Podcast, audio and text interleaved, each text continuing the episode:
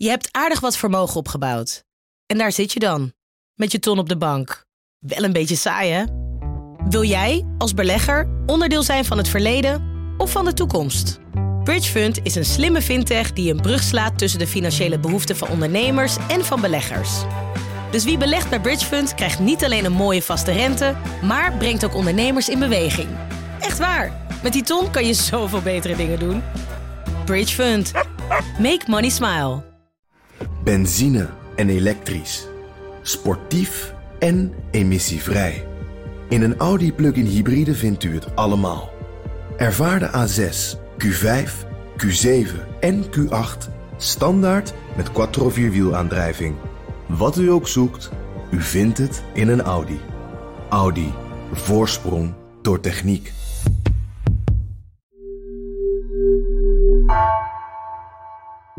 Vanaf de redactie van NRC het verhaal van vandaag.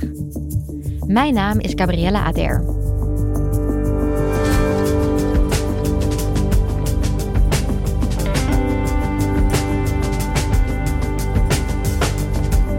In de jaren 60 bestond het Drentse dorp Hollandse Veld bijna volledig uit boerenfamilies. Inmiddels zijn er nog maar twee boeren over die van hun veehouderij kunnen rondkomen. Het is het resultaat van een reeks beleidsstrategieën waar boeren in de afgelopen tientallen jaren mee te maken kregen, ziet redacteur Mark Lievesse Adriaanse. Overleven deze laatste twee boeren in Hollandse Veld de stikstofcrisis?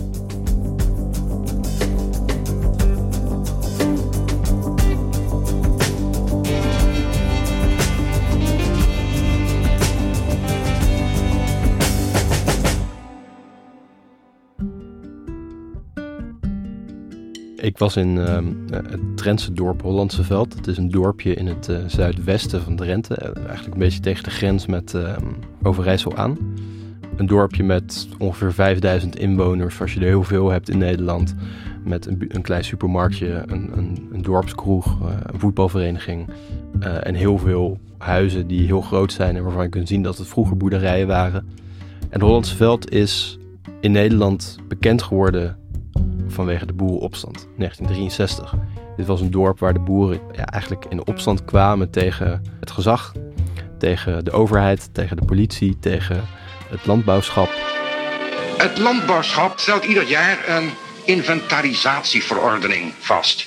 En eh, de grondgebruikers zijn verplicht om inventarisatiebiljetten in te vullen. Men zou dat kunnen vergelijken met eh, aangiftebiljet voor de belastingen. Dat was een eh, organisatie die deels de belangen van boeren verdedigde, maar tegelijkertijd ervoor zorgde dat de regels nageleefd werden. En die hadden besloten dat alle boeren verplicht moesten afdragen aan het landbouwschap. En een aantal van die vrije boeren, zoals ze zichzelf noemden, die weigerden om het lidmaatschapsgeld te betalen, waardoor zij langzaam een schuld opbouwden bij het landbouwschap. Nou, die schuld die liep op in het geval van één boer, Klaas Hartman, tot ongeveer 150 gulden, wat omgerekend nu zo'n 400, 500 euro is. Dus het is geen heel hoog bedrag. En de overheid besloot, omdat hij die schuld niet betaalde, hem te onteigenen, uit zijn huis te halen. Boer Hartman is een van de drie die vandaag deurwaarder Bodde mag verwachten. Ik verwacht niks, want ze hebben hier niks te maken. Die heeft geen deurwaarder die wat te maken en die heeft geen, geen mensen die wat te maken. Die zeker nodig te hebben, die heeft die wat te maken, maar die anderen hebben hier niks te maken. Dat is een moordenaars kwestie. Ja, dat lieten de boeren niet gebeuren. Ja, dames en heren, in de controverse tussen het landbouwschap en de vrije boeren is het dan toch zover gekomen dat de drie van de meest halstarrige boeren in de omgeving van Hogeveen hun boerderijen moesten verlaten. Op de been tientallen journalisten, een honderd man rijks- en gemeentepolitie, onder andere met helm en karabijn, duizenden zogenaamde vrije boeren uit heel het land om de uitzetting te beletten. Wij zijn niet hier om bloed te vergieten of om plastiekbommen te gooien, wat gisteravond is gezegd. Wij zijn hier om een sympathiebetuiging te doen aan de boeren. En zo nodig, wanneer de mogelijkheid erin zit, tegenwerking te geven. Maar op een eerlijke en rechtvaardige manier, zonder wapens. Wij willen geen bloed. Maar aan het einde van de dag was de boerderij van Klaas Hartman wel leeg, onteigend door de overheid. En het leek mij interessant om 59 jaar later, in een tijd waarin heel veel boeren weer in verzet komen tegen de overheid, te gaan kijken wat er eigenlijk over is van dat boerendorp. Ja, Mark, hoe trof jij Hollandsveld 59 jaar later aan? Ehm, ik ben alle ongeveer 20 boerenbedrijven die nog geregistreerd staan langsgereden. En wat je dan ziet is een handjevol koeien, een paar varkens, wat kippen die rondlopen. Maar dat is het wel.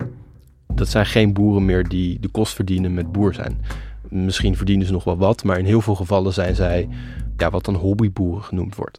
Dus mensen die nog wel koeien houden, eigenlijk vooral omdat ze ja, het leuk vinden. Maar er zijn er nog maar twee in Hollandse Veld. Uh, Jan Schuigelaar en uh, Johan Bakker. Die echt fulltime boer zijn. Die kunnen rondkomen van het boerenleven. Die er eigenlijk geen ander werk naast hoeven doen om hun gezin te kunnen voeden met de opbrengsten van hun boerenbedrijf. Uh, ik ben bij hun thuis geweest, bij Jan Schuigelaar. Die had zijn buurjongen, Johan Bakker, ook uitgenodigd. Nee, de koffie helemaal. Ja, helemaal zwart alsjeblieft. Nee? Jongens die hun hele leven op de boerderij gewerkt hebben. Die daar geboren zijn, die er opgegroeid zijn. Die eigenlijk ook niet anders kunnen voorstellen dan dat zij ooit boer zouden worden. Zoals ook hun vader en hun opa en hun overgrootopa op die grond boer zijn geweest. Ik weet dat mijn opa toen, uh, op onze oude plek, had hij 30 koeien en uh, ja. iets van uh, 60 varkens. En dat was toen een groot boer. Ja. En ik zat bij hun thuis aan de koffie om eigenlijk ja, met hun te hebben over het boerenleven, over de stikstofplannen en over de toekomst die zij nog zien in het boerenbedrijf. Mark, hoe kan het dat in een dorp als Hollandse Veld inmiddels nog maar twee boeren over zijn? Ja, ik denk dat je daarvoor moet kijken naar een aantal hele grote maatschappelijke, economische ontwikkelingen van de afgelopen 50 jaar. Uh, misschien wel langer, 70 inmiddels. Naar een aantal omwentelingen in de manier waarop we in Nederland naar boeren kijken. Altijd maar meer en willen groeien. Meer voedsel, goedkoper voedsel, geproduceerd door de boer. En dat klinkt een beetje tegenstrijdig. Hè? Dus uh, meer voedselproductie en tegelijkertijd minder boeren. Maar dat is het verhaal over schaalvergroting. En wat houdt die schaalvergroting dan precies in? Ja, dat heeft te maken met onder meer bevolkingsgroei na de Tweede Wereldoorlog. Er kwamen meer mensen in Nederland. Er moesten meer monden gevoed worden. Baby, uh. De babyboom. Maar ook mensen werden consumenten. Dus mensen gingen wat meer verdienen. Hè, de, de grote welvaartsprong van de jaren 60 konden een autootje kopen, een tv. Het hele dieet van mensen veranderde.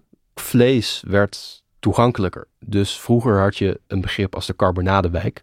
Dat was de wijk in de stad waar mensen het geld hadden om een carbonaatje te kunnen kopen. Nou, dat woord is uit ons taalgebruik verdwenen. Iedereen kan een carbonaatje kopen. Het is altijd zo geweest van nou, die, die lage prijzen die zijn toen zijn ontstaan voor voedsel.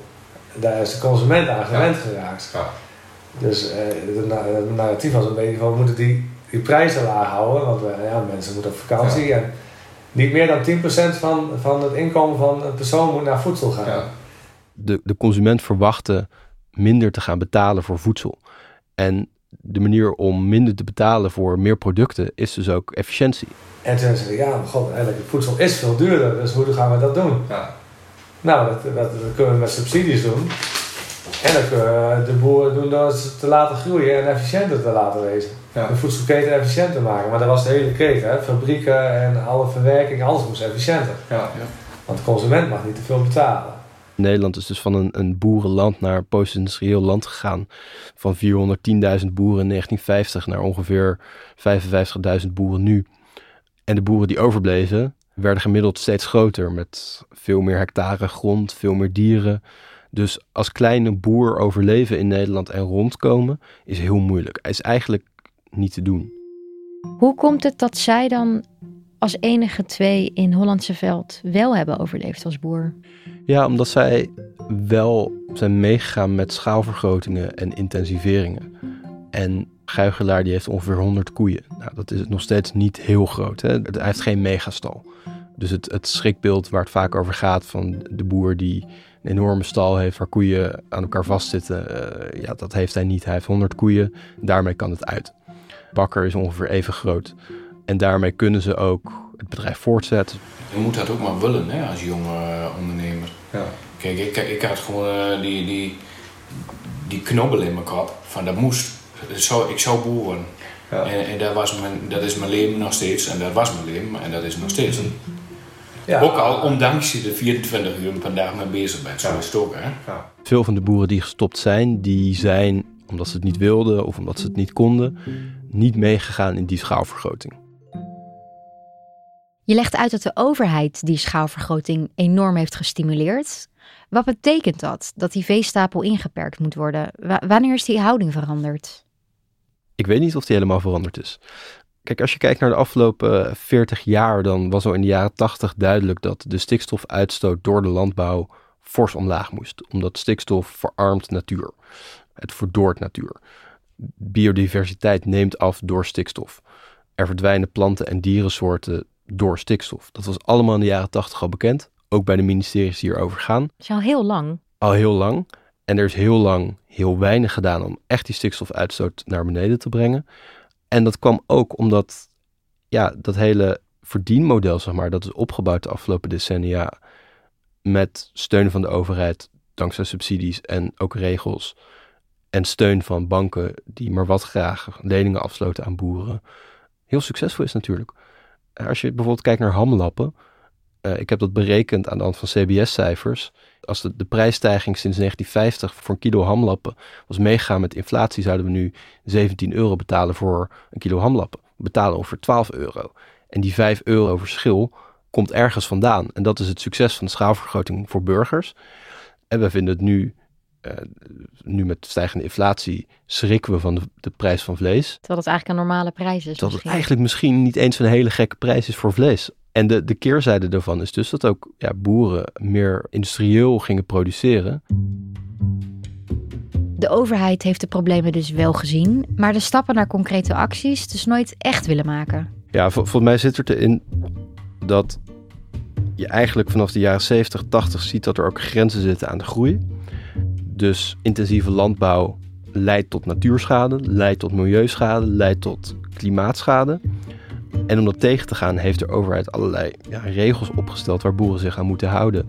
Dus als jij een koe hebt, dan moet je daar fosfaatrechten voor kopen. Dat kost ongeveer 10.000 euro per koe. En dan mag je een koe hebben, want een koe stoot fosfaat uit. Of de mest van een koe stoot fosfaat uit.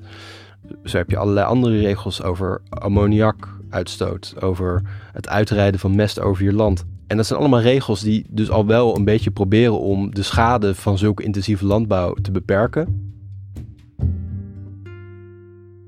En in 2019 heeft de Raad van State niet eens een bom gelegd onder het stikstofbeleid, maar een bom laten exploderen over stikstofbeleid. En geconcludeerd dat het stikstofbeleid van de Nederlandse overheid niet voldeed aan de normen. Oftewel dat de overheid veel meer moest gaan doen om die stikstofuitstoot terug te dringen.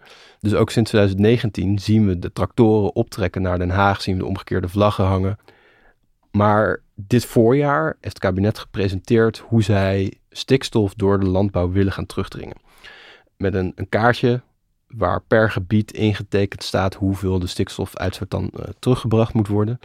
En dat is eigenlijk de, de katalysator geweest voor het boerenprotest dat we nu zien. Omdat daar heel concreet stond dat sommige boeren 70% stikstof moeten gaan verminderen, of 50%.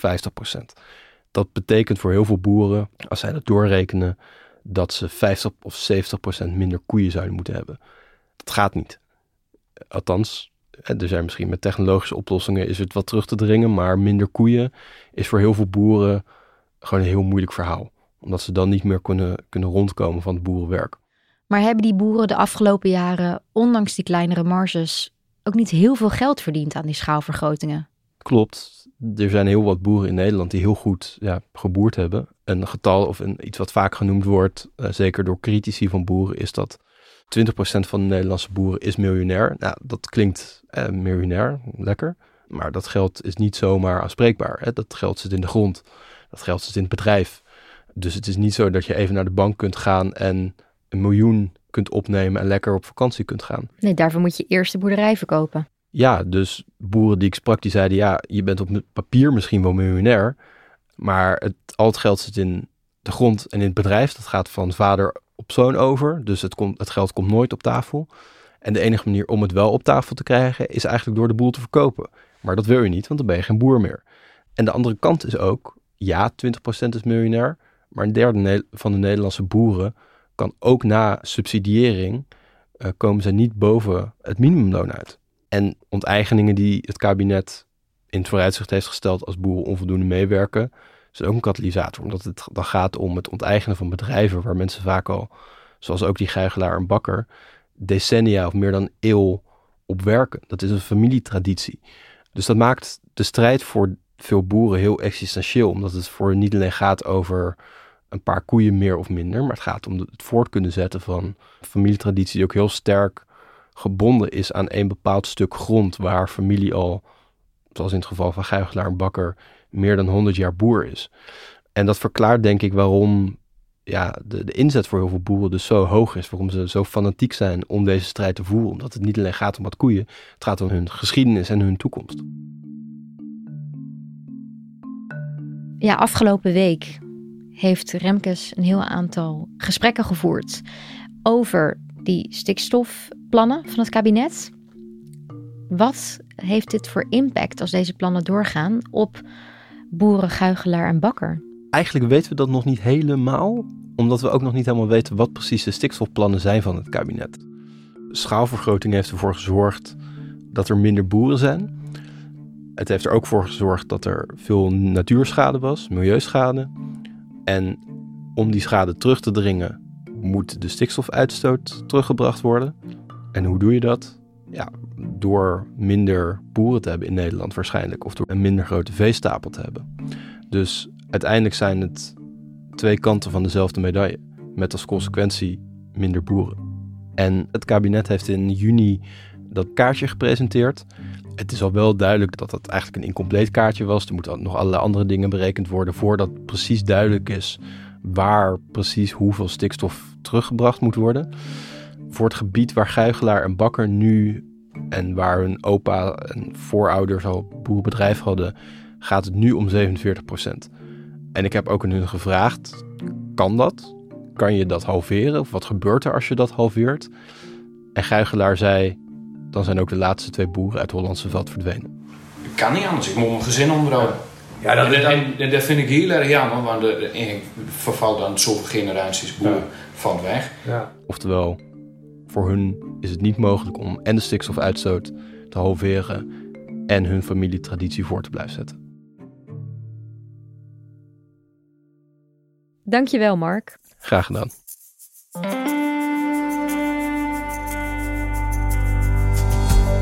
Je luisterde naar vandaag, een podcast van NRC. Eén verhaal elke dag. Deze aflevering werd gemaakt door Mila Marie Bleeksma, Iris Verhulsdonk en Marco Raaphorst. Dit was vandaag, morgen weer.